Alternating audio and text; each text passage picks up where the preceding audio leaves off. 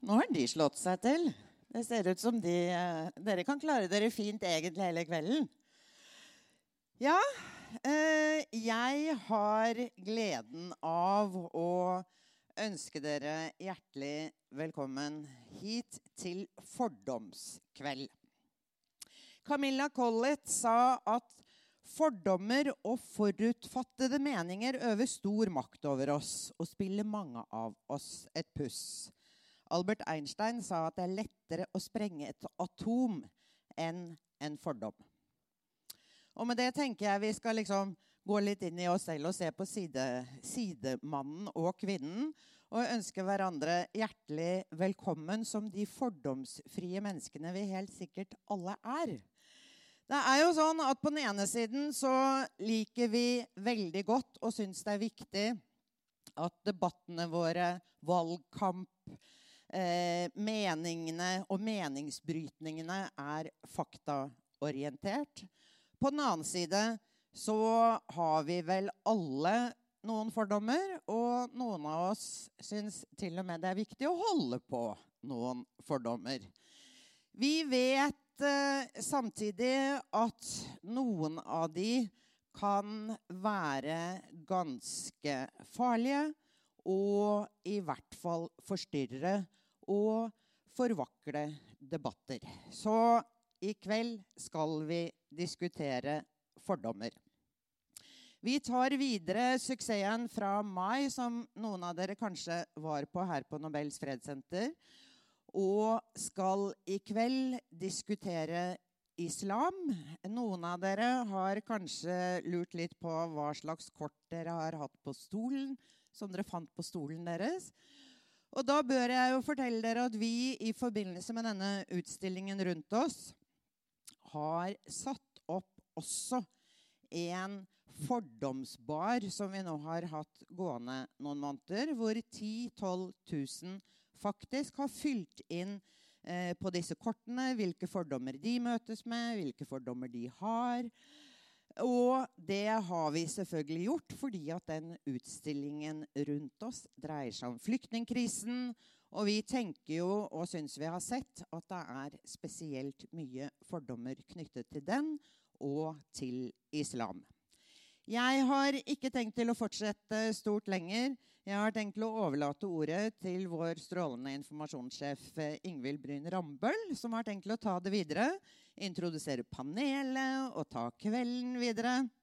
Men før jeg overlater ordet til deg, så må jeg da fortelle hva Max Pollenberg, østerriksk sanger, skuespiller og komiker, har sagt.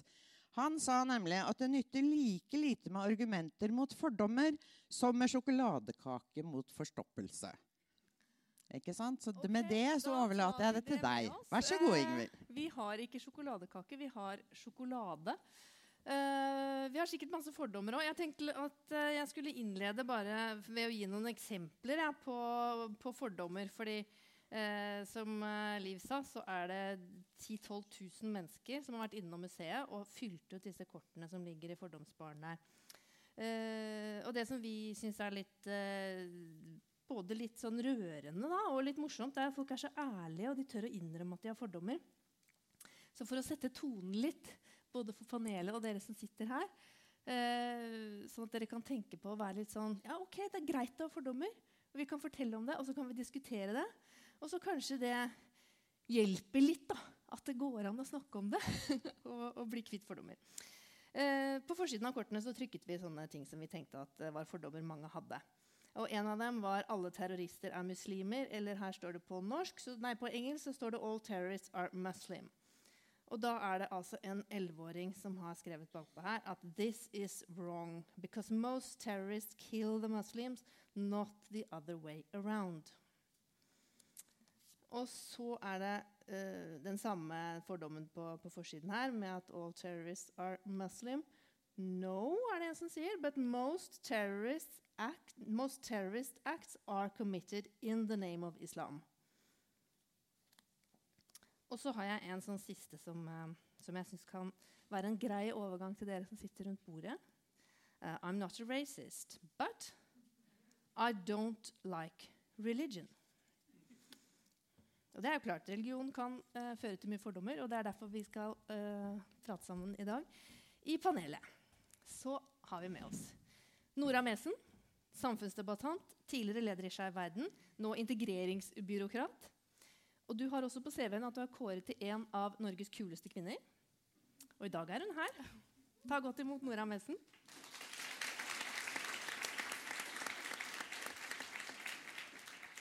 Så har vi Osman Rana, eh, spaltist i Aftenposten og forfatteren av boka 'Norsk islam hvordan elske Norge og Koranen samtidig'.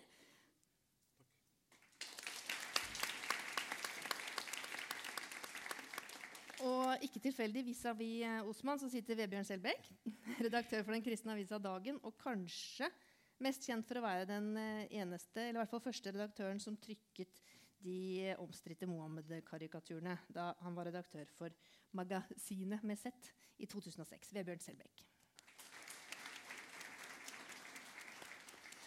Og så, for å få litt sånn hjelp med å uh, slå fast hva Koranen egentlig sier, så har vi fått med oss en ekte imam.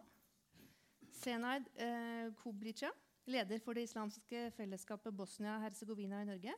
Og også tidligere leder for Islamsk råd. Velkommen.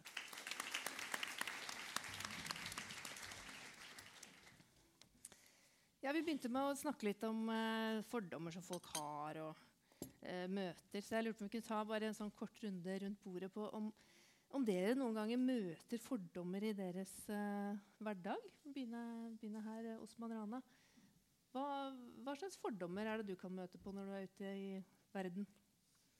Jeg kan møte på både mine egne fordommer og, og andres fordommer. det gjør jeg mye, i mitt daglige virke som lege. Der jeg møter uh, veldig mange typer ulike mennesker. Uh, og jeg ser jo ofte at de kan ha et inntrykk av meg, jeg kan ha et inntrykk av dem. Eh, og som lege er jeg ofte i en veldig privilegert situasjon der jeg kan spørre litt mer rundt hvem de er, fordi det er ofte nødvendig i en klinisk setting. Og da er det mange av fordommene som ofte er gale eller stemmer ikke av det inntrykket jeg har ved å se på et menneske. Eller ved å vite bare litt om et menneske. Så, så, jeg tror det er viktig å erkjenne at man har fordommer selv også. Mm. Og, og, at det ikke er veldig unaturlig at andre mennesker har fordommer om deg. Jeg tror det er ganske menneskelig. Men så er det viktig å nettopp se på det, disse fordommene som bare fordommer. At, det, at, de bare er en fasade. Har du opplevd at folk kanskje blir litt sånn overrasket over deg når de blir kjent med deg? For eksempel? at de har trodd at du har vært en annen ja. enn du er? Det, det hender. Det hender. Eh, noen kan oppfatte meg som veldig alvorlig og seriøs, men etter hvert som de kjenner meg bedre, så kan de kanskje se at jeg kan eh, smile ganske ofte, eller le, eller tulle. Så det er eh, Det er åpning for det, åpning for det, her i dag.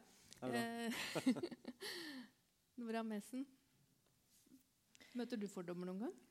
Ja, jeg vil si at jeg møter bøtter av fordommer fra alle kanter og bakgrunn av veldig mange forskjellige ting. Eh, som kvinne, som eh, muslim, som eh, en person med innvandrerbakgrunn, som lesbisk, så er det på en måte et eh, yndet skyteskive eh, for mange. Så, også, og det kan være på en måte veldig stygge fordommer som folk kan sitte på, og så kan det være noe som kan være så latterlige eller uh, morsomme episoder som han kom, kom opp i også.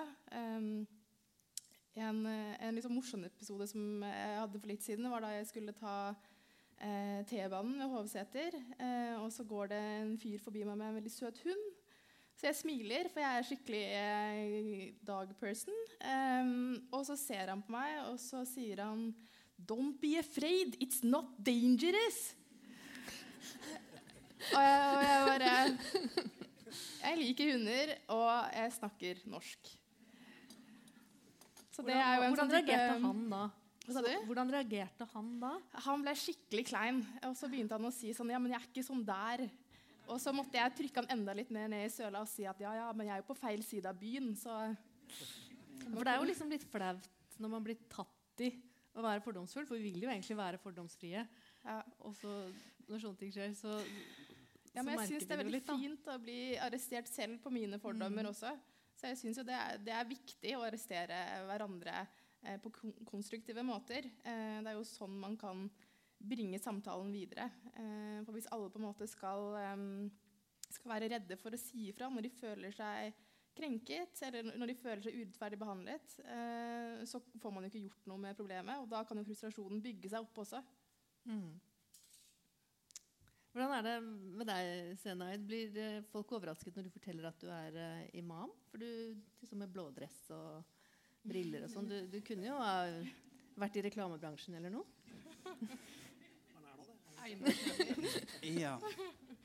ja, det, det er uh, Ja, realiteten. Man, man blir overrasket når man ser meg som jeg er. Men hvis du spør meg om jeg møter uh, fordommer uh, uansett at jeg er hvit og som jeg er Jeg vil si at jeg møter uvitenhet, ignoranse, og derfor kommer alle fordommer, faktisk. Og der har vi jobb å gjøre. Alle oss. Mm. Men jeg kommer tilbake til det. Ja, vi, vi, vi, regner med at dette arrangementet her skal være en del av den jobben. Akkurat. Eh, Vebjørn Selbekk, hvordan er det med fordommer mot eh, hvite kristne menn? Jo, det finnes vel sikkert dem òg. Men eh, jeg tror hvite kristne menn òg har mange fordommer mot andre. Og Det er det jeg er mest opptatt av. altså Prøve å bekjempe mine egne fordommer. Uh, og der hjelper det jo veldig bra på å møte mennesker, snakke med folk. Og, og det tror jeg er en veldig eh, god kur mot uh, sine egne fordommer. Og kanskje, det kan jeg oppleve når folk treffer meg òg, at kanskje det kan være en litt kur mot fordommer de måtte ha mot meg. For jeg er egentlig en veldig hyggelig kar. Ja, sånn innerst inne, når du blir kjent med meg. Ja, men Da håper jeg at vi blir litt ja. bedre kjent i løpet av kvelden. For, ja, eh, disse to herrene nærmest meg har hatt en sånn passiar gående i VG gjennom hele sommeren. Og når jeg leser den uh, ordvekslingen der, så tenker jeg at uh, ok, de to der de, de, har kanskje litt fordommer mot uh, hverandre. Innrømmer dere det, eller? Nei, det tror jeg ikke. Jeg, jeg tror at jeg tror, altså, Vebjørn og jeg går veldig langt tilbake i tid. Vi har kjent hverandre i over eh, ti år, tror jeg. Uh, fra da jeg var nesten tenåring til Vebjørn var uh, 25. Ja, takk, takk, takk for det. så, så vi har diskutert islam lenge, og vi er enige om kanskje religionens plass i Norge. Og så har vi hatt våre feider om islam hva islam er, dette med hvordan man kan jobbe mot ekstremisme, og en del av de store spørsmålene, og sant, hva man mener med ytringsfrihet, og hva som er islamkritikk, og hva som er muslimat. Og Det er en del løpende spørsmål. Men jeg, jeg, jeg tror at uh, styrken er nettopp at vi klarer å snakke om det. Og, og jeg har ikke noe uoppgjort med Vebjørn. Ja, vi har hatt en uh, ganske, si, ganske livlig debatt uh, gående i VG. men men uh, da jeg møtte Vebjørn uh, tidligere i dag, så hadde vi ikke noe problem med å se hverandre i øynene og uh, ha en hyggelig samtale. så, så, så jeg tror at disse møtene og disse samtalene er med på å bygge ned fordommer. samtidig så, så må man ikke alltid definere uenighet som fordommer. Altså, Jeg og Vebjørn kan være uenige. Det trenger ikke bety at vi har fordommer mot hverandre. Men uh, uenigheten må være saklig. Så jeg tror ikke vi skal si at vi er, vi er uh, fordomsfulle fordi vi har ulike meninger. Ja, noe av det dere disk diskuterer, er jo egentlig um, om religionen islam kan passe inn i et uh, moderne land som Norge. I hvert fall sånn som jeg oppfatter diskusjonen. Uh, hva, hva, tenker du egentlig om det, Vebjørn? Er det sånn ja. at uh, islam rett og slett ikke passer her? Bare la meg først, la meg først kommentere uh, det som uh, Mohammed sa her. Og jeg tror det er en av, en av de veldig gode tingene med det norske samfunnet og den norske samfunnsdebatten. At konfliktnivået tross alt er såpass lavt at selv om man har sine krasj i avisspalter og i debatter og sånne ting, så er man likevel eh, gode venner. Ikke sant? Så vi tok taxi sammen hit, og vi snakka om barna våre og hvordan oppdra barn i, i, eh, i, et samfunn som det norske. og sånne ting. Så, så, så eh, jeg er helt enig i at man skal ikke også sette likhetstegn mellom, uh, mellom, det å være, øh, være, uenig og være i en debatt og det å, å være fiender. Og sånn er det heldigvis ikke i Norge. Sånn er det i mange andre land der konfliktnivået er mye, mye større. Også dette om islam må passe inn. Ja, jeg tror islam eh, kan passe inn i, eh, i Norge. Det en, eh, en, har blitt en norsk religion også. Og så tror jeg det er viktig da, ettersom islam får en større posisjon både i Europa og i Norge, at vi også tør å ta en debatt om de problemområdene som da oppstår eh, i møtet mellom eh, islam og det vestlige demokratiske eh, samfunnssystemet som Norge er en del av. Eh, sånn ser jeg det. Men når du skriver sånne ting som at uh, islam en fredens religion, så setter du gåsetegn rundt det. Hva, hva, hva, signaliserer du med det? Hva mener du med det? Eh, nå har blitt jeg satt, eh, satt hermetegn rundt eh, en fredens religion, men jeg har, jeg, jeg bruker, jeg har brukt det uttrykket. Nei, jeg, nei, nei, du brukte det ironisk, da. Ja, ja. Det, det, skal jeg innrømme. Mm. Han mente at folk skulle skjønne ironien ja. direkte. Nei, faktisk. Ja, ja, ja. Nei, men, men, med det så mener jeg jo at uh, islam omtaler seg sjøl som fredens religion. Mange tror at islam betyr fred.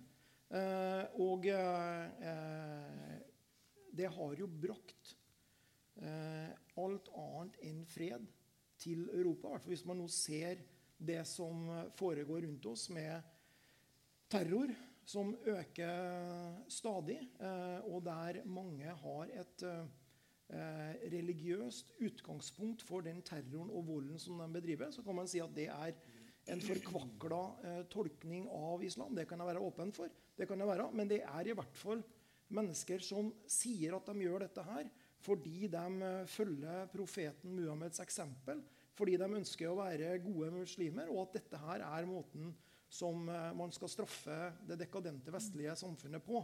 Og, dit, og, og, og eh, så vet jeg at alle de tre muslimene som sitter rundt bordet her sammen med Alle de vil si noe nå. Uh, ja, ja, Men de, ingen av dem står for dette her. Men allikevel så er det et problem. Eh, og jeg mener at da må eh, norske muslimer være de fremste til å ta et oppgjør med dette. Og det er jo Mohammed Osman Rana er jo en av dem som, som har vært veldig ærlig om at det fins problemer. Han sier at det brenner i islams hus. Og det syns jeg var en veldig veldig bra kronikk. Mm. Og det burde du ha fortsatt med å utvikle litt tankene dine om det. Jeg tror Nora skal få ordet først. Ja. Har du jeg syns det er veldig trist eh, at du velger å la en liten ekstrem minoritet definere hva islam er for 1,6 milliarder mennesker. Eh, muslimer har bodd i Norge i mange, mange år. Vi har bygget velferdsstaten. Vi har vært med på å bygge velferdsstaten. Vi har brakt fred og demokrati til landet og bygget det sammen med alle andre som bor i dette landet. Så det å utdefinere oss fra, fra det prosjektet er lite, virkelig lite konstruktivt. Og hvis målet ditt er å, å, å, skape broer, så får du ikke til det ved å reprodusere en så forferdelig versjon av islam. Men, men, men det var jo ikke det jeg sa. Altså, jeg, jeg, Når du snakker om at islam er fredens religion Ja, men også eh, det er det for, den, eh, for det store flertallet av muslimer. Så er det en fredens religion. De aller, aller fleste eh, tolker sin religion på en fredelig måte. Og jeg er helt enig med deg. Jeg har aldri sagt noe annet enn at det er et lite mindretall som tolker den på en voldelig måte. Men dessverre, for oss alle sammen, og ikke minst for dere som er muslimer, så er det sånn at det lille mindretallet de lager et en helt forferdelig situasjon i Europa. Der nå folk er redde for å gå på, på, på, på gatene. Det skjer forferdelige ting. Og, det, det er en liten mindrehet. Jeg har aldri sagt noe annet. Jeg har aldri sagt heller at ikke dere bidrar positivt til det norske samfunnet. Det mener jeg virkelig eh, Men dere gjør. forsvinner litt da, i det ensidige fokuset ja, men, ditt. men, men, hvis du hører på hva jeg sier, så, for, så forsvinner jo ikke det. Ja, men de, sier- ditt sier jo fokus at er det jo ikke på de positive, eh, konstruktive stemmene i islam. Det er, du fokuserer på den lille ekstreme minoriteten. Jeg snakka jo nettopp om det konstruktive bidraget som Mohammed Osman Rana har eh, kommet med når han tør som muslim å ta tak i dette her og sier, sier og det mener jeg flere burde ha eh, fulgt hans eksempel, å være åpen med det. Ja, det brenner i islams hus. Ja, det er en liten minoritet, men det lik, de er likevel eh, muslimer. Og da må muslimer være de første til å ta avstand fra dette, de første til å bekjempe det, og de første også til å stille seg spørsmålet hva kan det være i vår religion som gjør at man tolker det på en sånn ekstrem måte? Nå kan eh, Osman få ordet først, og så skal vi høre fra imamen etterpå. Altså, Vebjørn har helt rett i at uh, islam, eller Det islamske hus, eller muslimer i dag, har en stor utfordring hva gjelder eh, ekstremisme. Og det har jeg skrevet mye om. Jeg har også forfattet denne boken min 'Norsk islam' for å vise at islam kan og bør settes i en norsk sammenheng. Samtidig så tror jeg der eh, Selbekk eh, mister en del av eh, sine muslimske lyttere, er, og, og, og fremstår kanskje som litt fordomsfull, er når han kommer med en slik retorikk der han sier at nettopp fredens religion, veldig ironisk ment, og så sier han at islam har ikke brakt noe godt. Han, altså, islam som en veldig, altså, Fremstillingen av islam fremstår som veldig monolittisk. At islam er veldig eh, at, at, at, det finnes bare én forståelse av islam. At, at, man kan eh, Han maler med en veldig bred pensel om hva islam er, basert på det en del muslimske ekstremister gjør. I tillegg så er det en større tendens og dessverre har Vebjørn innimellom eh, hatt en tendens til å følge en del av de eh, eh, intellektuelle på den delvis antiislamske siden i eh, Vesten som prøver å definere Europa som et eh, såkalt jødisk-kristent fellesskap. Eh, at at islam er, en, er et slags fremmedlegeme i Europa. Men der sitter et veldig godt eksempel på at islam eh, altså, Jeg er jo etnisk eh, sørasiater, eh, selv om jeg er født og oppvokst i Norge. Jeg er norsk, men mine foreldre kom fra India og Pakistan. Eh, men her sitter en fullblods etnisk europeer. Islam er ikke en ny, veldig ny og heller ikke en fremmed religion i Europa. Jeg har skrevet i VG tidligere at eh, på mange måter er Europas vei ut av den mørke middelalderen brolagt med islam. Det vil si at mange muslimske eh, filosofer som, som Ibn Rushd eh, var med på å bringe Europa ut av middelalderen ved å nettopp revitalisere europeiske filosofer som Aristoteles osv. Videre. så europeerne begynte å lese og bli kjent med sine gamle greske filosofer igjen. Og sånn sett deler mange muslimer og kristne og jøder et europeisk fellesskap. En intellektuell historie. Og ikke minst, eh, som, som jeg skrev i VG nylig, dette med eh, dagens eh, Spania og Portugal, som jo var eh, under eh, muslimsk styre. Og på mange måter så blomstret denne sivilisasjonen, mens resten av Europa slet på mange måter. Og det er klart det er mange ulike måter å fremstille den historien på, men, men å fremstille islam som et fremmedlegeme i Europa, det syns jeg er en, en, en, en, en eh, historieløs og ikke minst feilaktig og farlig retorikk. Eh, Men, men, altså, Men nå må vi nesten få slippe til det er jo til, eh, stråmannsargumentasjon. Altså, når, når har jeg gjort det? Altså, du, du, du har en lang utlegning her om, om, om at jeg fremstiller islam som et fremmedlegeme i Europa. Når har jeg gjort det? Jeg er jo fullstendig klar over at eh, islam har hatt uh, fotfeste, ikke minst på, på Balkan, uh, Bosnia osv. Uh, at man hadde den iberiske halvøy og alt dette her. Men Men jeg tror ikke vi skal vi, Nei, men, snakke så men innmari er mye om sånn, hvordan det du er litt sånn, fremstiller islam. det er litt sånn fordomsfullt når, eh, når, eh, når man, eh, når man eh, altså, argumenterer mot noe som jeg ikke Men Kan vi ikke gå altså, til bøkene her, da? For hva, hva sier egentlig Koranen? Er islam en fredens religion? Jeg, jeg tror vi, jeg, jeg, må kommentere og eh, tilføye og, Eller eh, Jeg er litt etter forklaring. eh, det, det var, og det er fortsatt uklart for meg, hvorfor Vebjørn, hvorfor du bruker så mye islam og ikke bruker veldig mye muslimer. Hvis du bytter islam med muslimer, da har vi mye å snakke om. Hva mener du med det?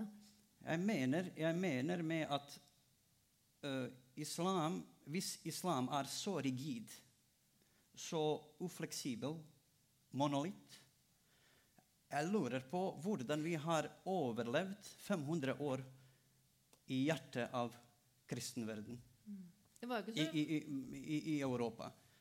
Så, så jeg vil si islam tilbyr ganske stort rom.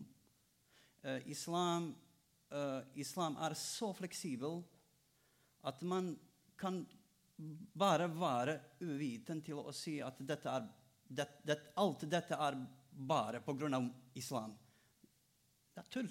Ja, Nora Mesen er kanskje et eksempel så på det? da? ja, jeg vil bare si, vil bare si så muslimer Muslimer eh, eh, eh, Den vi, Jeg er for at vi sparer islam litt fra alt den tull og rot forårsaket av faktisk muslimer.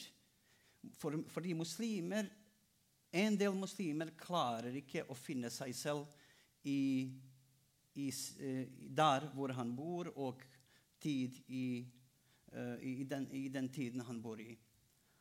Så, så, så mitt Eller eh, mitt forslag, eh, eller mitt råd til, eh, til, til, Vebjørn, er at, at, man, at man går ikke så mye på islam. Fordi historisk sett man kan ikke finne så mange argumenter at islam, er, eh, at, at islam var hinder til at vi går fram. Jeg, jeg, jeg ser også når man sier eh, islam må moderniseres is, eh, Muslimer faktisk eh, må gjøre alt de kan, eller de må være kloke nok til å finne den den stortroen som, som man finner i islam, for å tilpasse seg til hver tid og hvert sted. Ja, Og, da, og da, derfor, derfor har, vi, har, har dere meg, har dere mange bosniere som, som har ingen problem med å leve, med å samarbeide, med å uh, tilpasse seg hvor som helst. Fra Australia via Europa til Amerika. Så det du sier er at man kan være muslim på veldig mange måter, og at eh, islam også kan moderniseres kanskje på samme måte som, som kristendommen har vært gjennom en eh, modernisering. Og jeg tenker at Vi har et godt eksempel på det med Nora Mesen. for du, du har vel sagt at du trodde at det var helt umulig å være lesbisk muslim, og så fant du ut at det gikk an allikevel. Hvordan fant du ut det? Ja, og det er jo en sånn fordom, vil jeg si, da, som man hører både fra eh, muslimer med undertrykkende religionsfortolkninger og fra eh, islamkritikere, f.eks., som, som har veldig like eh, argumenter når det kommer til det. Eh, for litt siden så var jeg i en debatt eh, med Fahad Kareshi, leder av Islamnett, eh, og Jon Hustad, som er islamkritiker. Eh, og de hadde jo akkurat samme versjon av islam som de baserte seg på da de sa at det ikke var greit å være meg. Og det der, altså, det å se en salafist og en islamkritiker sitte ved siden av hverandre og nikke og peke på at 'jeg passer ikke inn i islam', 'islam har ikke plass til meg', det er den rareste bromansen jeg har sett. Da hadde de i hvert fall noe å være enige om den Ja, dagen. det er veldig hyggelig å være enige om å undertrykke noen. En veldig klok dame har sagt om eh, denne typen debatter som vi prøver å ha her nå, eh, at det er som å eh, være innelåst i et brennende hamsterhjul. Og vi er så heldige at vi har den kloke damen her i dag, som skal fortelle oss litt grann om eh, hvorfor det er så vanskelig å diskutere islam.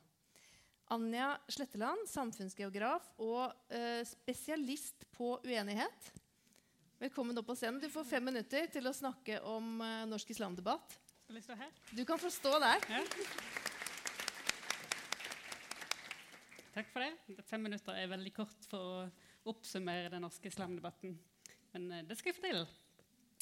Det er, det er litt vanskelig å si når islamdebatten egentlig begynte. For det er jo ikke én debatt. Det er mange forskjellige debatter. Um, og det er også vanskelig å begynne å snakke om islamdebatten uten å begynne i innvandringsdebatten i Norge. Som begynte på 70-tallet. Ganske lenge før man egentlig snakket om islam, eller islam var um, ja, på den nasjonale dagsordenen. Det var sikkert noen som snakket om det likevel. Men uh, på den tiden så snakket man om innvandring som en uh, um, ut ifra nasjonale grupper. Det er ganske morsomt å gå tilbake til 70-tallet og se hva man sa om, om finske arbeidsinnvandrere. For, eksempel. for de var veldig fremmede. De hadde en annen kultur. De snakket et annet språk. De hadde eh, noen veldig snodige drikkevaner, og de var vanskelig å integrere. um, komplisert å ha med å gjøre på arbeidsplassen osv. Um, men eh, hvordan dette skulle løses, den debatten der var ganske annerledes. Men i alle fall, man, man gikk da fra å snakke om eh, eh om innvandrere, og spesielt pakistanere, var, eh, var, en gruppe det ble snakket om masse på, på 70-tallet. Og da utviklet det eh, seg noen forskjellige fronter.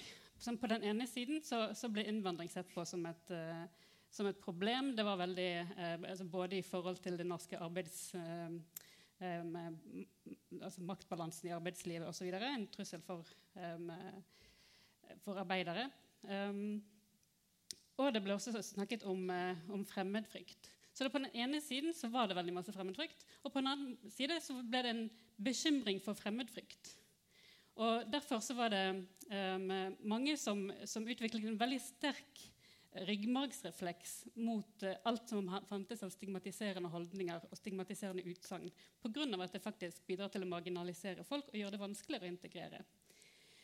Um, og dette gjorde da til at man på den ene siden hadde de, sånn, eh, det som har ført til Frp sin vekst i veldig stor grad, at mange følte at her er det noe som må snakkes om, noe som er problematisk. Um, og på den andre siden uh, så ble dette sett på som politisk ukorrekt og feil å snakke om. Uh, og dette har på en måte vært liksom et, uh, et, bakteppe frem til, til islamdebatten begynte, som var 11.9.2001. Da var det um, da endret den debatten seg fullstendig. Plutselig ble innvandrere ikke lenger innvandrere. Man snakket ikke så mye om pakistanere lenger. Men man snakket ikke, i hvert fall ikke om finner. Um, men man snakket om, om muslimer. Og, men uh, denne, um, denne diskursen, den, den kritikken mot muslimer, den ble fortsatt værende like kontroversiell som den hadde vært. Um, fordi på den ene siden så er den uh, veldig antiliberal. Altså, vi har en veldig sterk liberal um, offentlighet i Norge som, som ikke vil um, Eller som mener at det å, å peke ut en, um, en, gruppe og gjøre en gruppe skyldig for noen som enkeltindivider har gjort, det, det, strider fullstendig mot, mot, liberale prinsipper. Og det blir også sett på som at dette bidrar til um, å å marginalisere og ekskludere og gjøre det enda vanskeligere å, å, å integrere.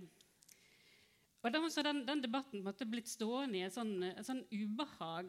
Um, og for så vidt også blitt forsterket med det at, at det var sånn vanskelig å snakke om hele tiden. Og så var det også et skifte um, etter 22.07. Um, der man plutselig begynte å innse at denne, eller man hadde kanskje innsett det før, men da man virkelig begynte å ta på alvor at denne debatten her, dette temaet her, det er et problem. For der så man da at, at eh, gjerningsmannen var motivert av denne frykten for islam, um, som han absolutt ikke var alene om, men, da, man hadde utviklet sine meninger i, på sosiale medier. Um, blant ganske mange som delte det samme synet. som ikke hadde, altså Det hadde gått litt under ikke helt under radar i offentligheten, man visste liksom om det, men det var liksom ikke helt lov til å si høyt. Så kan man tenke at Når man først har innsett problemet, så, man sikkert, så man kan sikkert finne en måte å løse det på. Men sånn var det jo selvfølgelig ikke. Eh, fordi islamspørsmålet går jo inn i veldig mange andre eh, kontroversielle debatter som eh, hvordan fungerer egentlig den offentligheten? eh, hva, vil det egentlig si å um, ekskludere visse meninger i forhold til det å ta inn visse meninger. Um, det, på den ene siden så var det de som fryktet at um, det å snakke mer om, om islam og problemene med islam osv. Um, det ville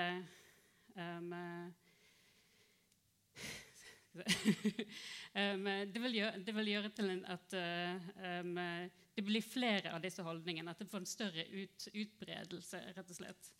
Eh, men det på den andre siden så var det de, ja, også pluss at det faktisk vil, vil være marginaliserende for, eh, um, for, muslimer og kanskje bidra til radikalisering. Og på den andre siden så var man redd for at hvis man ikke snakker om det, så vil, eh, vil debatten gå, lukke seg inn i sånne lukkede rom på, på, på Facebook, eh, sosiale medier, eh, og, og, bidra til en ytterligere radikalisering av det, det man kaller unge, sinte hvite menn.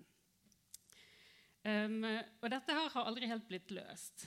Man står hele tiden, man, man om, eh, Når man snakker om islam, så snakker man om ufattelig mange ting på en gang.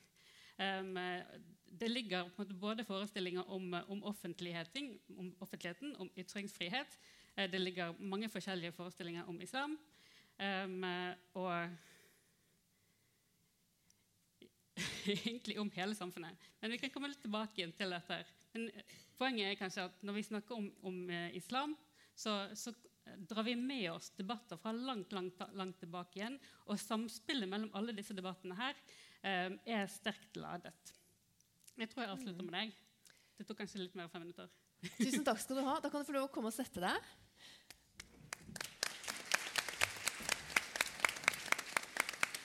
Og så tenker jeg at eh, du som da har forsket på hvorfor vi er uenige om ting, og hvorfor det er så vanskelig å diskutere noen eh, temaer, kan du prøve å fortelle oss hvorfor det er så vanskelig for eh, Vebjørn Selbekk og Osman Rana å bli enige? Um, det finnes et, et ord man bør lære seg hvis man skal delta i den offentlige debatten, og det er topos, som er gresk for sted. som, eh, som, handler om at når man snakker, um, når man lager et argument, så må man hente ting fra et sted. Altså man må hente ordene sine. Man må hente um, alle, alle, alle, um, Alt vi sier Eller se, Hva skal jeg si det? um, så for i det hele klare å formulere en eneste setning, så må vi, må vi hente alle leddene av det fra et eller annet sted. Um, og i, en, i, denne debatten her så finnes det mange sånne steder som er etablert i, i vår kultur. Um, det, det, finnes, um, det, finnes, et sted som, som fortolker ytre, negative ytringer om uh, muslimer som diskriminering, f.eks. Det finnes et sted som, uh, som tolker alle mulige ytringer om islam som uh, um, uttrykk for um, den, en slags sivilisasjonskonflikt mellom Vesten og Østen, for eksempel, eller mellom islam og kristendom. For eksempel. uh, det finnes um, steder som, som, knyttes til, til innvandring, arbeidsinnvandring osv. Og, og hvis man er på forskjellige sted, så klarer man ikke å snakke sammen? Ja, så i de aller fleste konflikter så er det jo litt sånn at man, man henter ting fra en ideologi, f.eks., og man er gjerne uenig. Um, men uh, det finnes en del temaer der man ikke har funnet ut hvordan man skal være uenig. Uh, og det handler om at uh, man, man, mangler en slags norm for pluralisme. altså Man mangler en, en, en norm for at det er plass til flere perspektiver på en gang. Um, jeg la veldig merke til denne, denne passasjen der, der, du sier at ja, men det er jo ikke det jeg sier um, og det er pga. At, at uh, vi henter også våre fortolkninger fra et, et, sted. Og i denne debatten her så er det um, så flere av disse forestillingsverdenene er rett og slett gjensidig utelukkende. Um, og det gjør at det faktisk ikke helt er plass til oss. Så det gjør at det er på en måte en, en slags, det er noe som er litt eksistensielt i dette. Man blir hele tiden ekskludert. Um, vi har vært i en debatt før um, da vi snakket om Israel-Palestina-konflikten. Og der hadde, du, der hadde du en motsatt rolle. jeg syns det var veldig, eh, veldig, interessant å se. For du pleier å ta den rollen um, der de sier at Men du mangler dette og dette perspektivet når du snakker. Det er akkurat det samme som skjer. Men er det da også at det blir så utrolig mye følelser involvert? Vi har sett det nå i, i debatten rundt uh, hijab uh, på TV. Mm. Det er vel ingen som har unngått å få med seg den uh, diskusjonen den siste eh, uka. Eh, altså, høstens mest omstridte valgprogram det er et timinutters program som bare sendes på nrk.no, og som heter det sendes på TV òg. Jeg trodde det var bare nettprogram. Ja. Men det er i hvert fall ikke et veldig stort program og ikke har veldig sånn sentral sendetid på NRK. Det heter Fatens valg, og det er et program om en ung norsk jente som skal prøve å finne ut hvilket parti hun skal stemme på. Jeg så det første programmet i ettermiddag. Og da gikk hun rundt og samlet uh, mat uh, altså søppel, altså spisende, spiselig mat fra søppelkasser sammen med miljøbevegelsen for å finne ut hvor opptatt hun egentlig var av miljø. Uh, men det som har gjort at dette programmet er så omstridt, er at programlederen har hijab på hodet. Og så er det 5000 som har reagert så kraftig på det at de har sendt inn eh, klage til Kringkastingsrådet før programmet er sendt på lufta.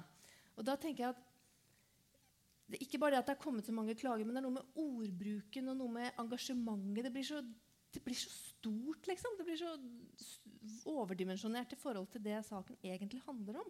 Og er det noe av uh, årsaken uh, du, Det du peker på der, Anja? Ja, det, altså, det er noe med at alle føler seg litt ekskludert fra den debatten. Men når, eh, det er på en måte trusler fra alle sider. Det er, liksom, det er alltid noen som eh, altså, det, det en person sier, vil kanskje undergrave hele din legitimitet for å snakke i det hele tatt. Eh, med hele, ditt, eh, hele premisset for at dette er et problem, eller at det ikke er et problem. Um, sånn at det blir rett og slett veldig, veldig personlig. Føler man seg rett og slett sånn krenket over at det er en med hijab som slipper til på norsk TV? Hvem er mann? Altså. Nei, men noen. noen. ja.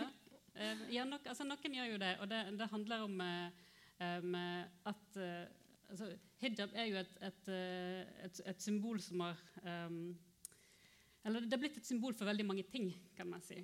Altså, på den ene siden så er det et, um, symbol for, for en slags kvinnefrigjøring. Altså det, det bidrar til at, at veldig mange muslimske jenter um, kan bidra i offentligheten på en, eh, en måte som de ikke helt ville kunne gjøre um, uten, eller hvis de først liksom, følger, følger den normen. Da.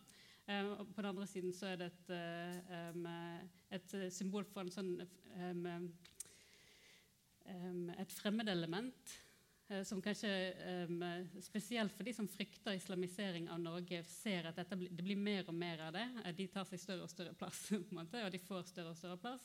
Eh, og det er kanskje det mest synlige symbolet, rett og slett.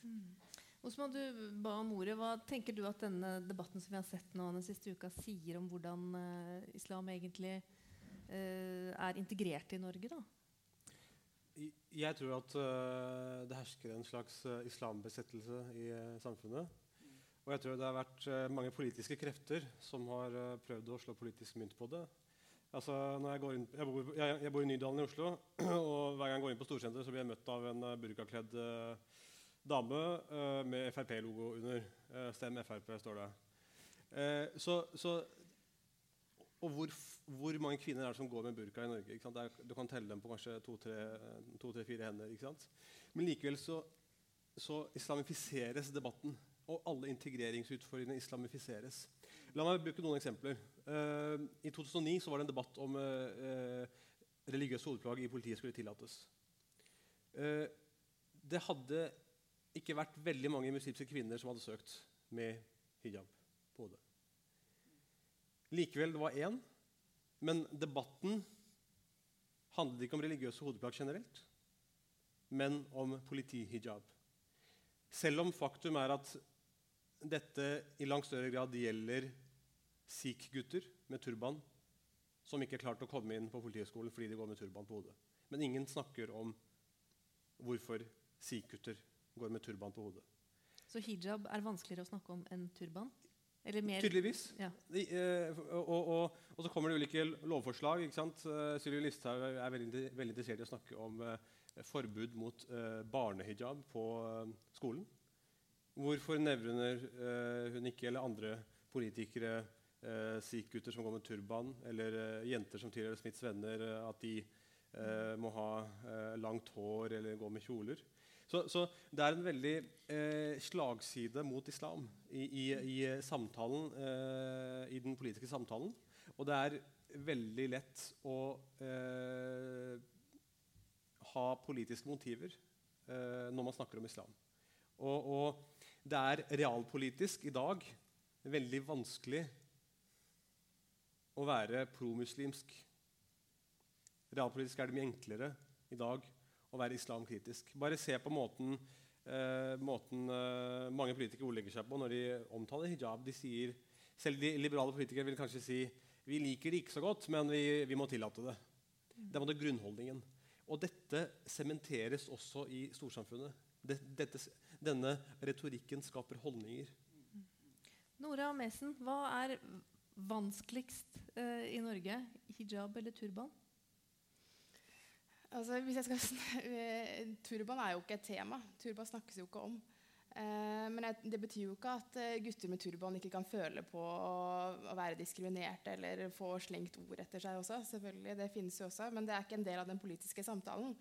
Og Samtalen om islam starter jo på en helt annen plass enn samtalen om alle andre religioner. Og jeg husker, Du nevner jo 11.9. når du eh, holdt innlegget ditt nå. Og jeg husker 12.9. Eh, så var det minnemarkering på skolen min. Jeg gikk på ungdomsskolen da. Og vi hadde ett minutts stillhet. Og jeg hører eh, en medelev ved siden av meg mumle 'jævla muslimer'. Og jeg husker den dagen så godt, fordi etter det så var det et nytt kapittel. Hele måten å snakke om disse spørsmålene på ble så fundamentalt annerledes. Og når man snakker om at eh, sånn som du sa i sted, at muslimer skal være de første som tar avstand fra ekstremisme Det kravet der som man setter helt til helt vanlige mennesker, som selvfølgelig tar avstand fra ekstremisme, det setter man ikke til andre som tilhører andre religioner. Fikk du en mikrofon i ansiktet ditt etter 22.07., hvor du ble bedt om å ta avstand fra Breivik? Nei, men altså, eh, er det så veldig rart at, eh, at eh, man ber muslimer ta avstand fra det? Det er jo i Islams hus det brenner. Altså, det, det, det, det, er ikke, det er ikke noe annet sted det brenner. Det er i Islams hus det brenner. Det er islamsk terrorisme vi har sett i Europa. Det brenner ikke mitt hus. Men hvorfor Nei, har muslimer større Ifølge, ifølge Muhammed Osman Rana så brenner det i hvert fall i islams hus. Og det syns jeg er en, en, veldig bra måte å si det på. Og hvorfor skulle ikke da muslimer, som tross alt bekjenner seg til den samme religion som terroristene i hvert fall hevder at de tilhører, hvorfor skulle de ikke være de samme, de første til å ta avstand? Og jeg, jeg har var ingen problemer tok avstand fra Breiviks terrorangrep? Ja, vet du hva? Jeg har ingen problemer med å ta avstand fra det. det. Nei, men Hadde noen eh, fyrt en mikrofon opp i ansiktet mitt, så hadde jeg gjort det. Jeg men har alle kristne norske var... menn ansvar for nei, å ta altså, avstand fra det? Her, det? Hør nå her. Hør nå her. Det er forskjell. Altså, det, det, her, nå må vi, nå må vi, nå må vi, eh, nå må vi tenke oss om her. Hvis du skal, hvis vi skal, hvis vi skal, Det går ikke an å, å sammenligne den terrorbølgen som vi har sett i Europa. Der eh, eh, man ved hver eneste terrorhandling hører ropet om at Allah er større. Og der det er begrunna i profetens eget eksempel, profetens egen krigføring. Eh, man, man eh, begrunner det med koranvers. Det er forskjell på det. Og denne brune nynazisten her i Norge som, eh, som, begikk terroren her. Det er en forskjell, altså. Vi, jeg, skal, jeg, kan godt være den første til, avstand, til, å ta avstand fra det, men jeg var i Den dominikanske republikk da dette skjedde, så jeg hadde ikke muligheten til det.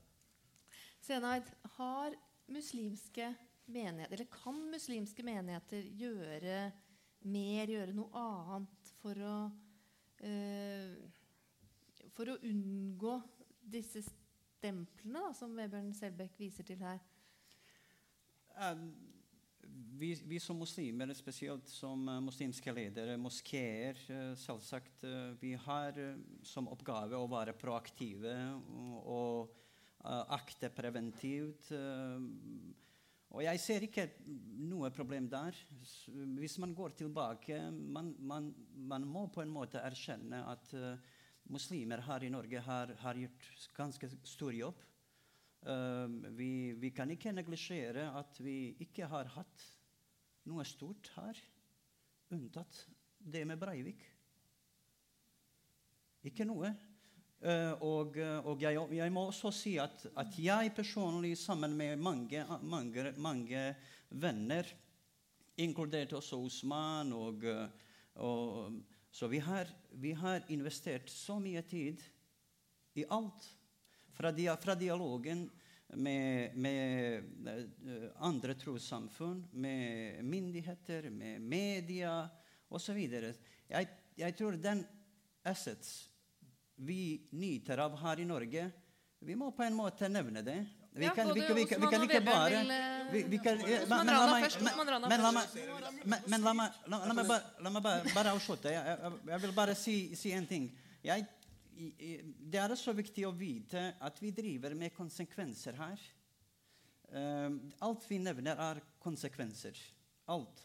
Og det som, som er pinlig for meg uh, når jeg ser alt For mange her i Norge, inkludert en del politikere, samfunnsengasjerte, debattanter, media Islamsk eller muslimsk historie starter fra september 11. Det er helt uakseptabelt. Og dette heter ignor ignorance. Osman Rana først, og så Vebjørn Jeg, jeg skal bidra til å nyansere denne samtalen vi har nå. Jeg, jeg, jeg tror at uh, muslimer i dag har et særskilt ansvar for å motarbeide muslimsk ekstremisme. Grunnen er så enkel at noen gjør det i mitt navn, noen gjør det i islams navn, noen gjør det i min profets navn. Derfor tror jeg det er viktig at nettopp særlig muslimske ledere og tenkere og skribenter er veldig tydelige på, på at uh, vi, vi, vi, ikke skal tolke islam på denne måten. Og, at, og, det er det veldig mange som har gjort. Og nettopp derfor er mitt poeng at vi må komme oss forbi der vi snakker om at muslimer må ta, må ta avstand fra ekstremisme. Muslimer har gjort det lenge. Det finnes bøttevis med erklæringer, religiøse erklæringer fra Imam Senaid i Norge som har sagt at vi tar avstand fra ekstremisme. Men så må også muslimene gå videre. Vi må intensivere denne teologiske og åndelige kampen.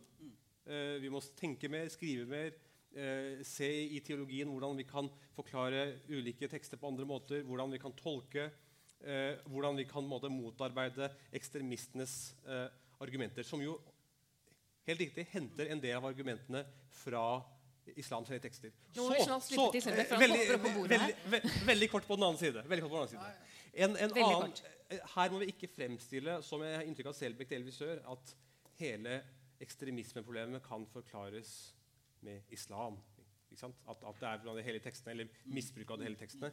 Jeg tror at mye av den radikaliseringen vi har sett i Vesten, også har eh, vært betinget i at en del muslimske ungdommer i Vesten ikke har klart å finne seg til rette med en europeisk identitet. Og Deler av årsaken til det er islamdebatten, retorikken. At unge muslimer ikke, ikke blir eh, ønsket velkommen til å føle seg norske når de har en integreringsminister som annenhver dag snakker om hvorfor islam er så farlig, eller hvorfor vi ikke skal ha hijab, hvorfor vi ikke skal ha burka, hvorfor vi ikke vi skal ha islams ditt og islams datten.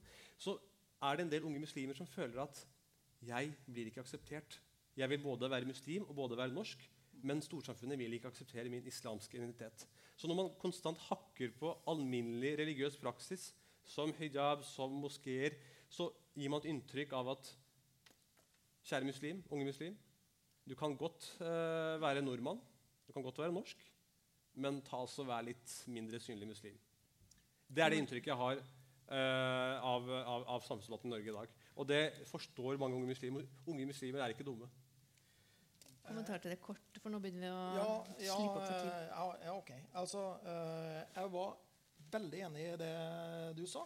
Og også veldig enig i det Mohammed Osman Rana sa her, helt, helt inn på slutten. Men, og jeg vil og gjerne si at jeg vil gjerne altså, Norske muslimer fortjener faktisk skryt for det arbeidet mot radikalisering som dere har gjort her i Norge. Det mener jeg virkelig. Altså det, det, det, og jeg mener, Her skiller Norge seg Eh, fra mange andre land, og ikke minst også våre nordiske eh, naboland, der eh, ting ser mye verre ut enn, det gjør her i Norge. Altså, Sverige har hatt denne typen terror. Danmark har hatt det. og Nå har sannelig Finland hatt det òg. Men vi har ikke hatt det i, i Norge. og det, det, tror jeg også er fortjenesten til de muslimske miljøene i Norge. At man, at man isolerer de ekstreme miljøene. Og der, der, har man gjort en veldig, veldig god jobb, syns jeg. Fant vi et sånt felles sted nå? Vi har et par, altså. Um, vi er for det første enige om at 11.9 har virkelig endret, uh, endret situasjonen. Um, og, og um, at, at dette, den rammen har, har, skapt veldig store utfordringer for måten man snakker om dette.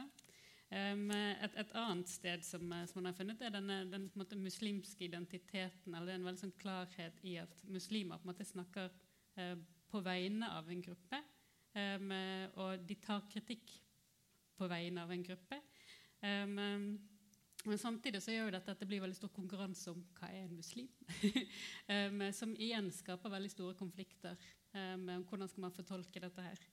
Så Det er en del forskjellige steder, men de, alle de stedene må jobbes litt med. rett og slett. Men det, jeg tror kanskje det hjelper å tenke på det som dette er en, et sted, dette er et annet sted. For å rydde litt opp, rett og slett. Mm. Det er skikkelig fullt hus. Jeg vet ikke om dere har sett det, men det sitter masse folk her. og jeg er sikker på at mange av dem har lyst til å stille spørsmål til eh, dere som sitter her oppe. Vi setter en mikrofon foran scenen. Dere som uh, har noe på hjertet, eller rett og slett dere som har spørsmål. Det er ikke lov å komme opp der og komme med et langt innlegg. Men dere som har spørsmål til uh, panelet, uh, kommer fram til mikrofonen, sier hva dere heter, og hva dere har lyst til å spørre om og stiller dere i kø nedover der, alle som har lyst til å si noe. Vær så god.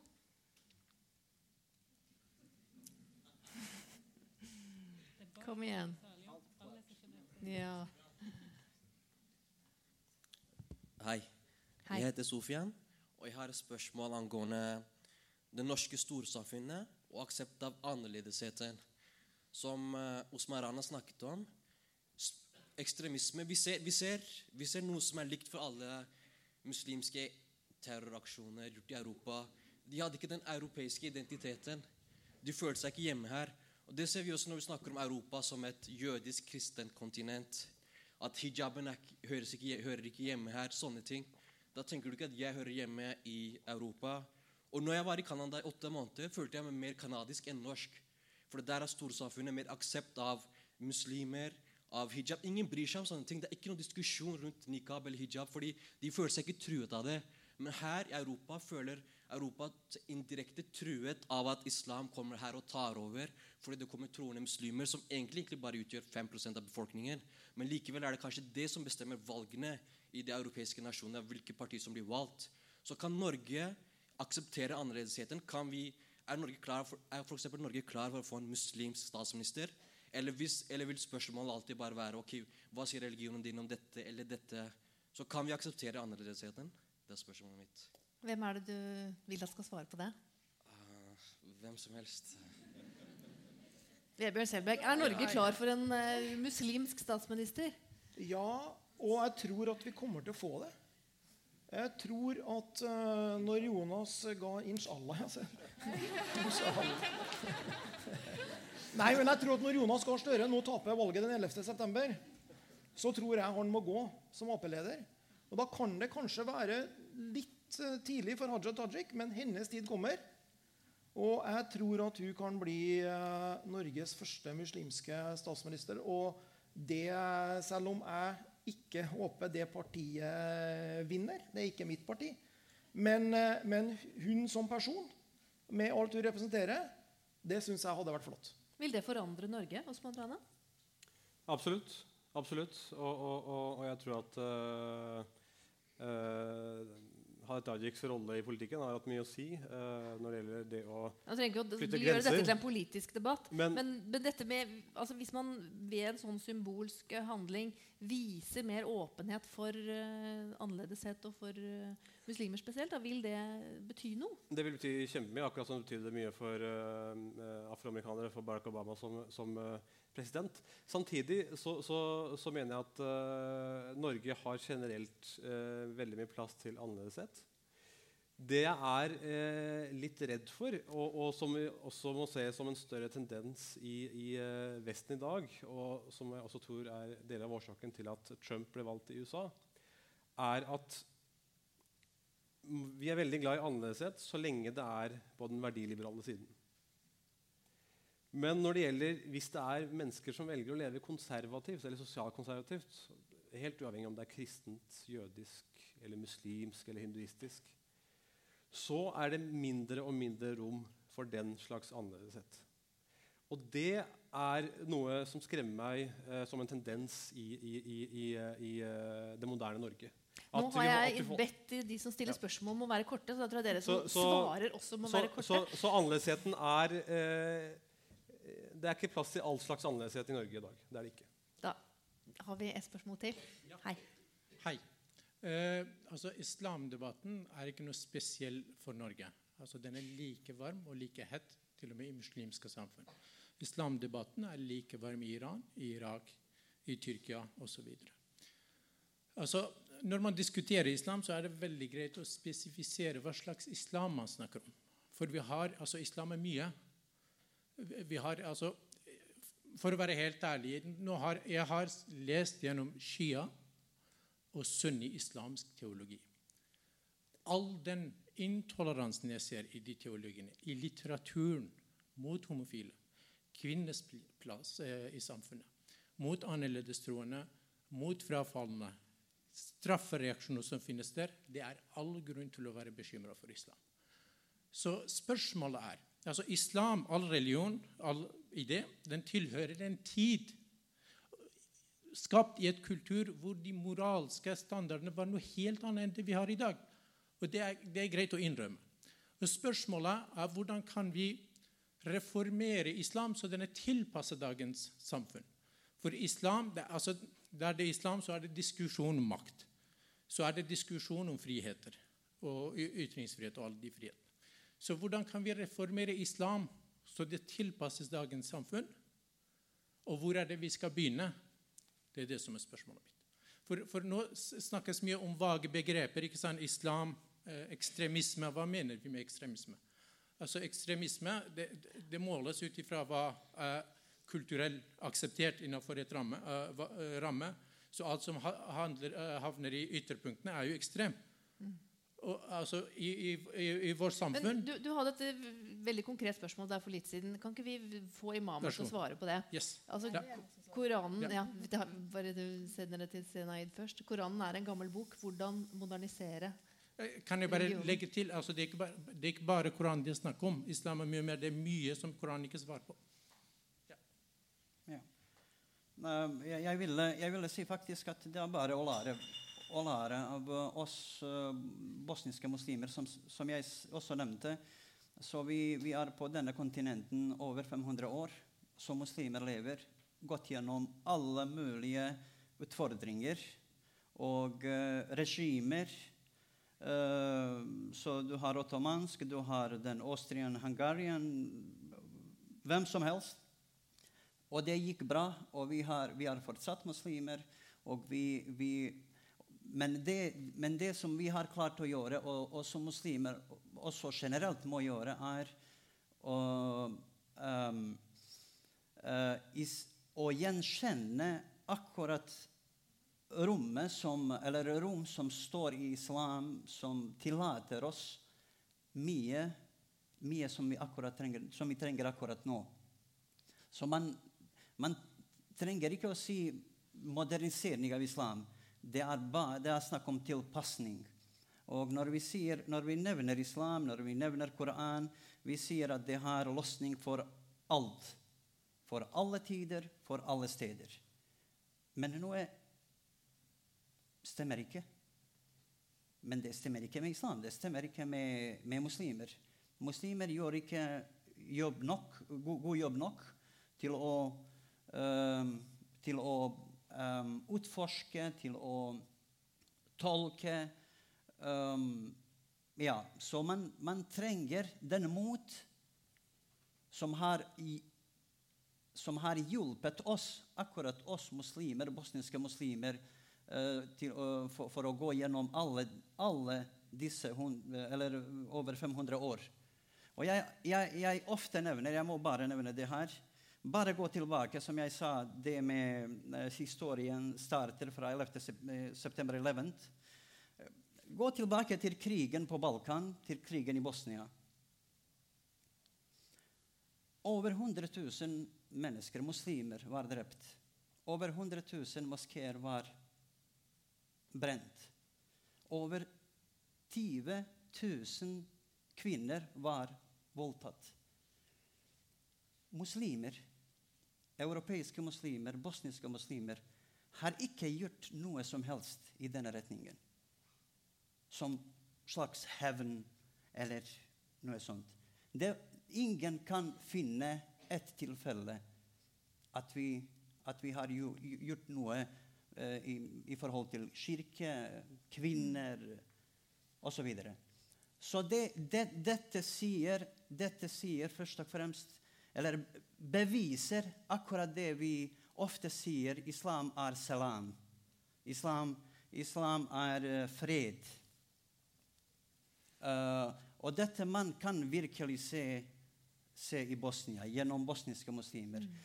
Og, og, den første, første, som har spurt også Jeg vil bare si vi, vi, i Norge, ikke bare i Norge, men generelt i Europa og på, på globalt nivå, vi har latt enkelte blant politikere, våre trosfeller, eh, media osv.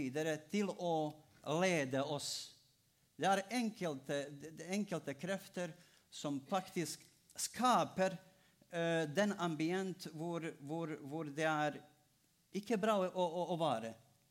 Og vi, og vi, ser som, uh, som, uh, som fans fra, fra, utsiden. Så vi må, være, vi må være litt proaktive, hvis nødvendig aggressive, til å få fram alt den positivt som ligger i oss og i våre verdier, i våre religioner.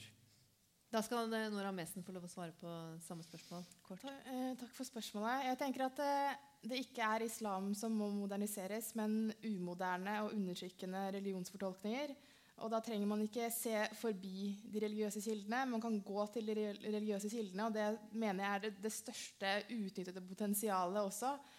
Eh, at man bruker, Hele Koranen oppfordrer jo til å, at man skal bruke sin kritiske sans. Det er gjennomgående i teksten.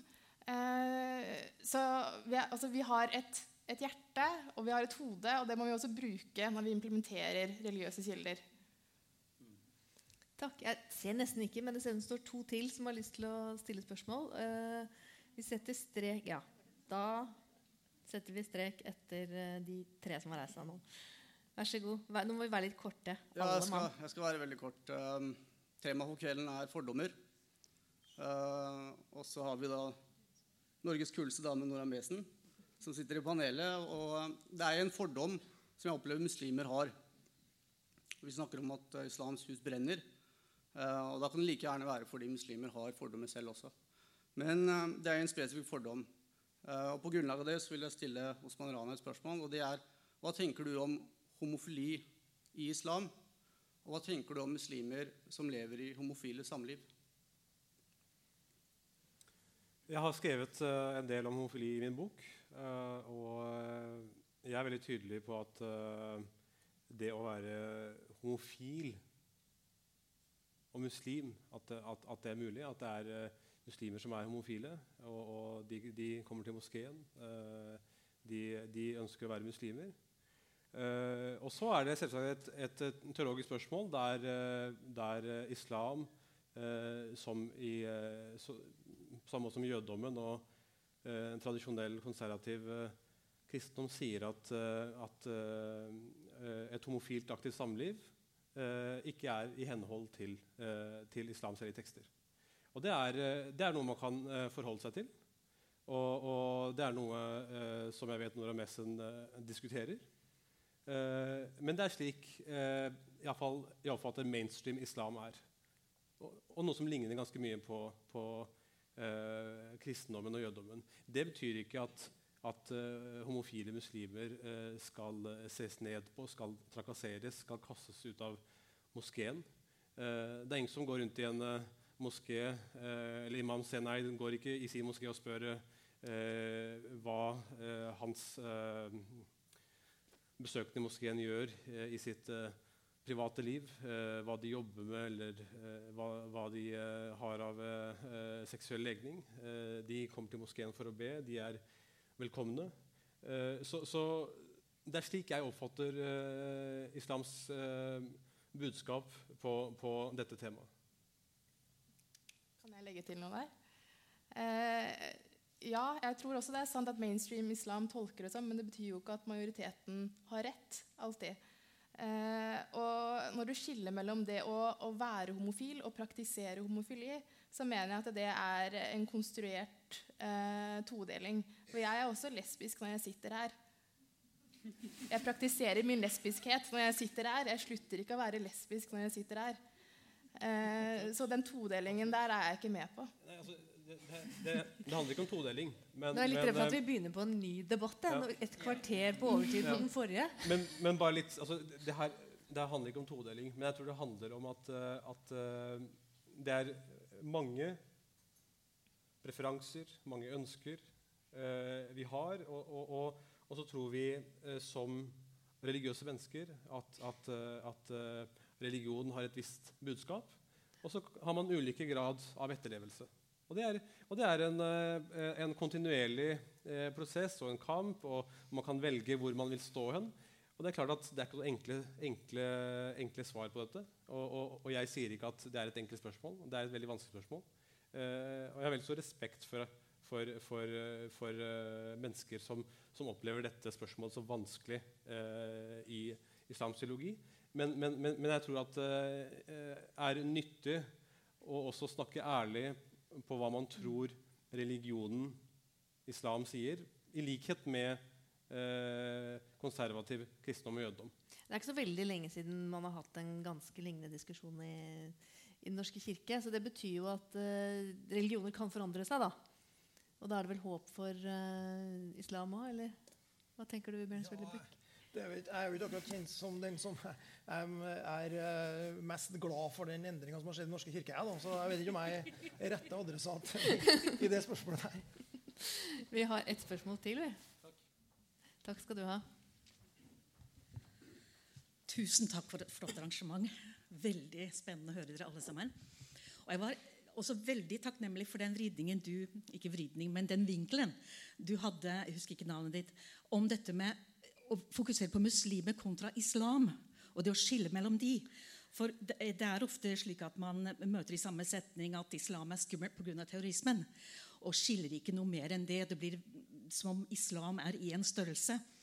Jeg heter Britt Elli. Jeg har vært predikant i kristne sammenhenger i årevis. Siden jeg var tenåring. Jeg bare minner deg om at du må stille spørsmål. Ja, men, ja, men du sa vi skulle presentere oss. Så det var bare det. Men det er litt av det der fordi at Det er vanskelig for oss predikanter vet du, å være, være kort. Vet du. Men, um, og siste årene har jeg vært opptatt av å knekke noen av disse fordommene. som jeg ser. Og det er forskjellige årsaker til det. Men Vebjørn, jeg har to spørsmål til deg. Fordi at Da en bok som jeg hadde skrevet, kom ut nylig, så skrev du i dagen La oss kvitte oss med frykten for muslimer, men la oss fortsette med å være kritiske til islam. Og Da lurer jeg på om, om du syns det er problematisk å ha et negativt ladd forhold til islam og samtidig ha omsorg eller være glad i muslimer. Om, om, om du ser en problematisering der.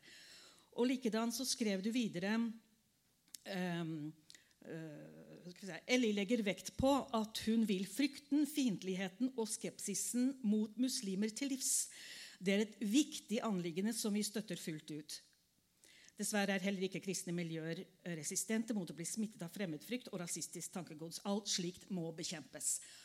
Og så lurer jeg på om du ser um, altså hva du kan gjøre som redaktør Jeg tenker spesielt i en kristenavis um, for å um, For å få fram det som du sier er viktig i retorikken.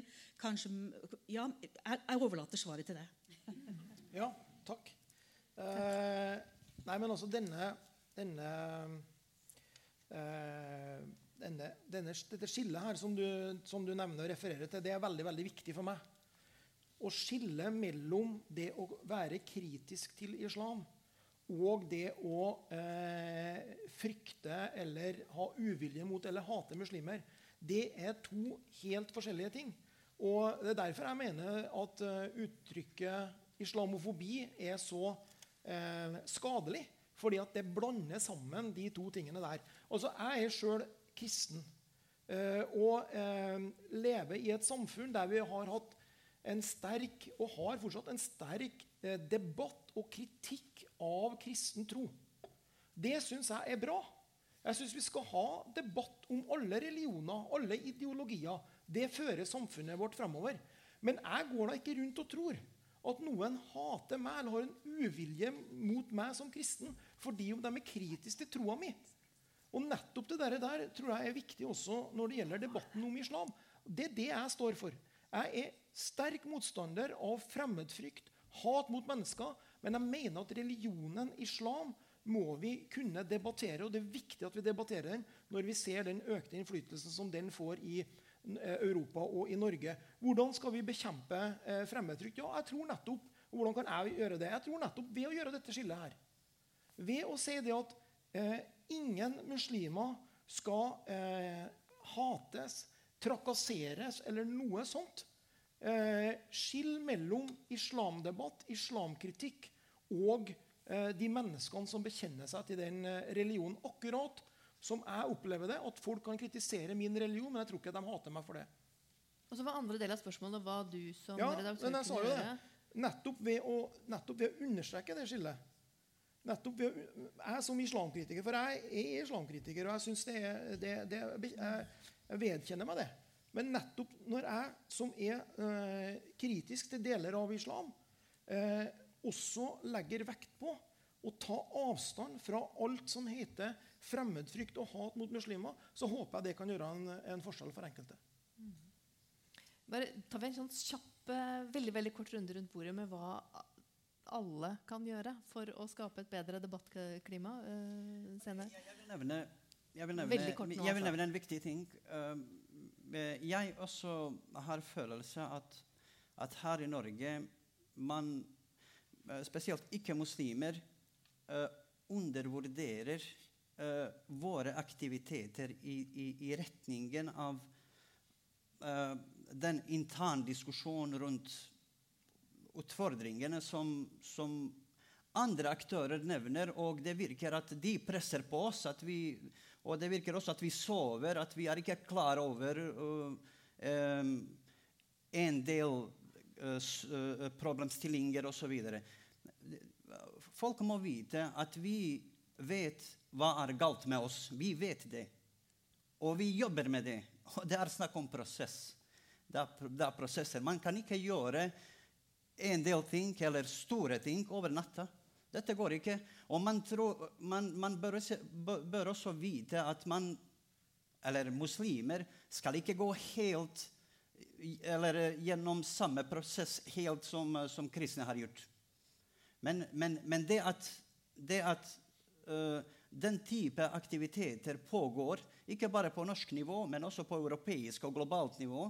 At man ser uh, hva som utnyttes, hva, hva som misbrukes i, i, i, fra Koranen, hva som tas ut av kontekst, mm. osv. Som, som brukes for å, for å uh, svartmale, for å fremstille islam som, som noe voldelig. Dette, dette vet vi. Dette, mm det, det, er nylig det kommer en, bo, en bok fra Bosnia. Det, det er, eh, mo, det, er Mufti, Mufti-rådet som har, som har kommet med en bok hvor de akkurat har identifisert alle disse punkter eh, som, eh, som, eh, som eh, voldelige krefter blant muslimer bruker eh, mm. og tar ut av Koran, tar ut av kontekst. Dette har vi samlet. Og dette kommer vi til å bruke for å gjøre noe bedre med dette. Er du enig, Nora Messen? Kan det jobbes enda mer med dette? Ja, jeg tenker at det, det, er veldig oppløftende at vi har fått flere unge muslimske samfunnsdebattanter eh, som ikke alltid er enige med hverandre, selvfølgelig, Eh, men den, det mangfoldet som, som, man ser i samfunnsdebatten nå, eh, det syns jeg er utrolig viktig.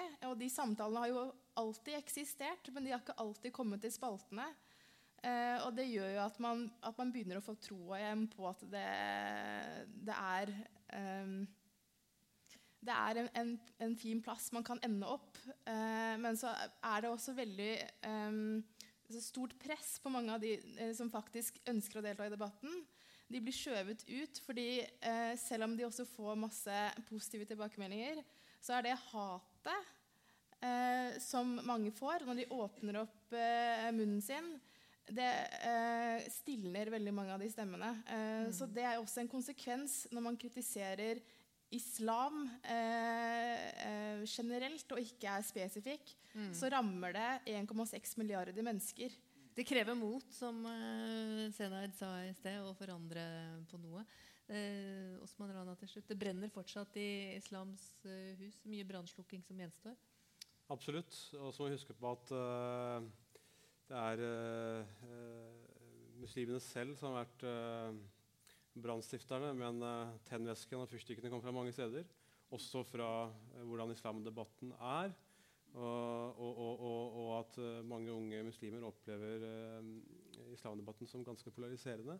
Og jeg tror det er en av de mest seiglivede mytene, mytene at, at, at, at, det er vanskelig å være islamkritiker i Norge. Jeg tror det er ekstremt mye islamdebatt. Altså, huske på at I fjor så ble islam og muslim nevnt 50 000 ganger i norske medier. mens det amerikanske presidentvalget ble nevnt 40 000 ganger.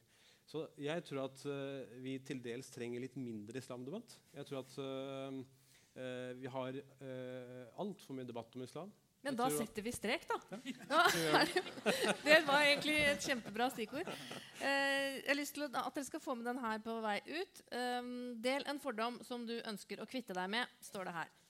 Å være automatisk mer skeptisk til en annen gruppe mennesker fra en annen nasjonalitet eller kultur enn meg selv.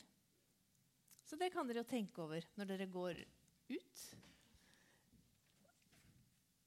Da sier jeg takk for uh, nå, og så skal Liv få lov til å avslutte. Ja, jeg har også tenkt å takke. Men først så jeg, må jeg begynne med å si at uh, det er et interessant, interessant, en interessant ramme rundt oss. En utstilling om flyktningkrisen som jeg nevnte innledningsvis og som jeg tenker er greit å ha som bakteppe også for denne debatten. For det viser nemlig bl.a. hvor ille det kan gå når fordommene vokser, hisses opp, brukes, benyttes, og hvilke konsekvenser det får.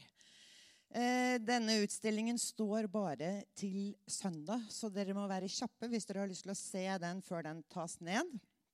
Det var det ene jeg skulle si. Det andre var en stor takk til alle dere som har deltatt i denne fine samtalen rundt bordet. Vi er veldig glad i fredsprismedaljer her på huset. Disse er i sjokolade, og de skal alle få sin boks med sjokoladefredsprismedaljer.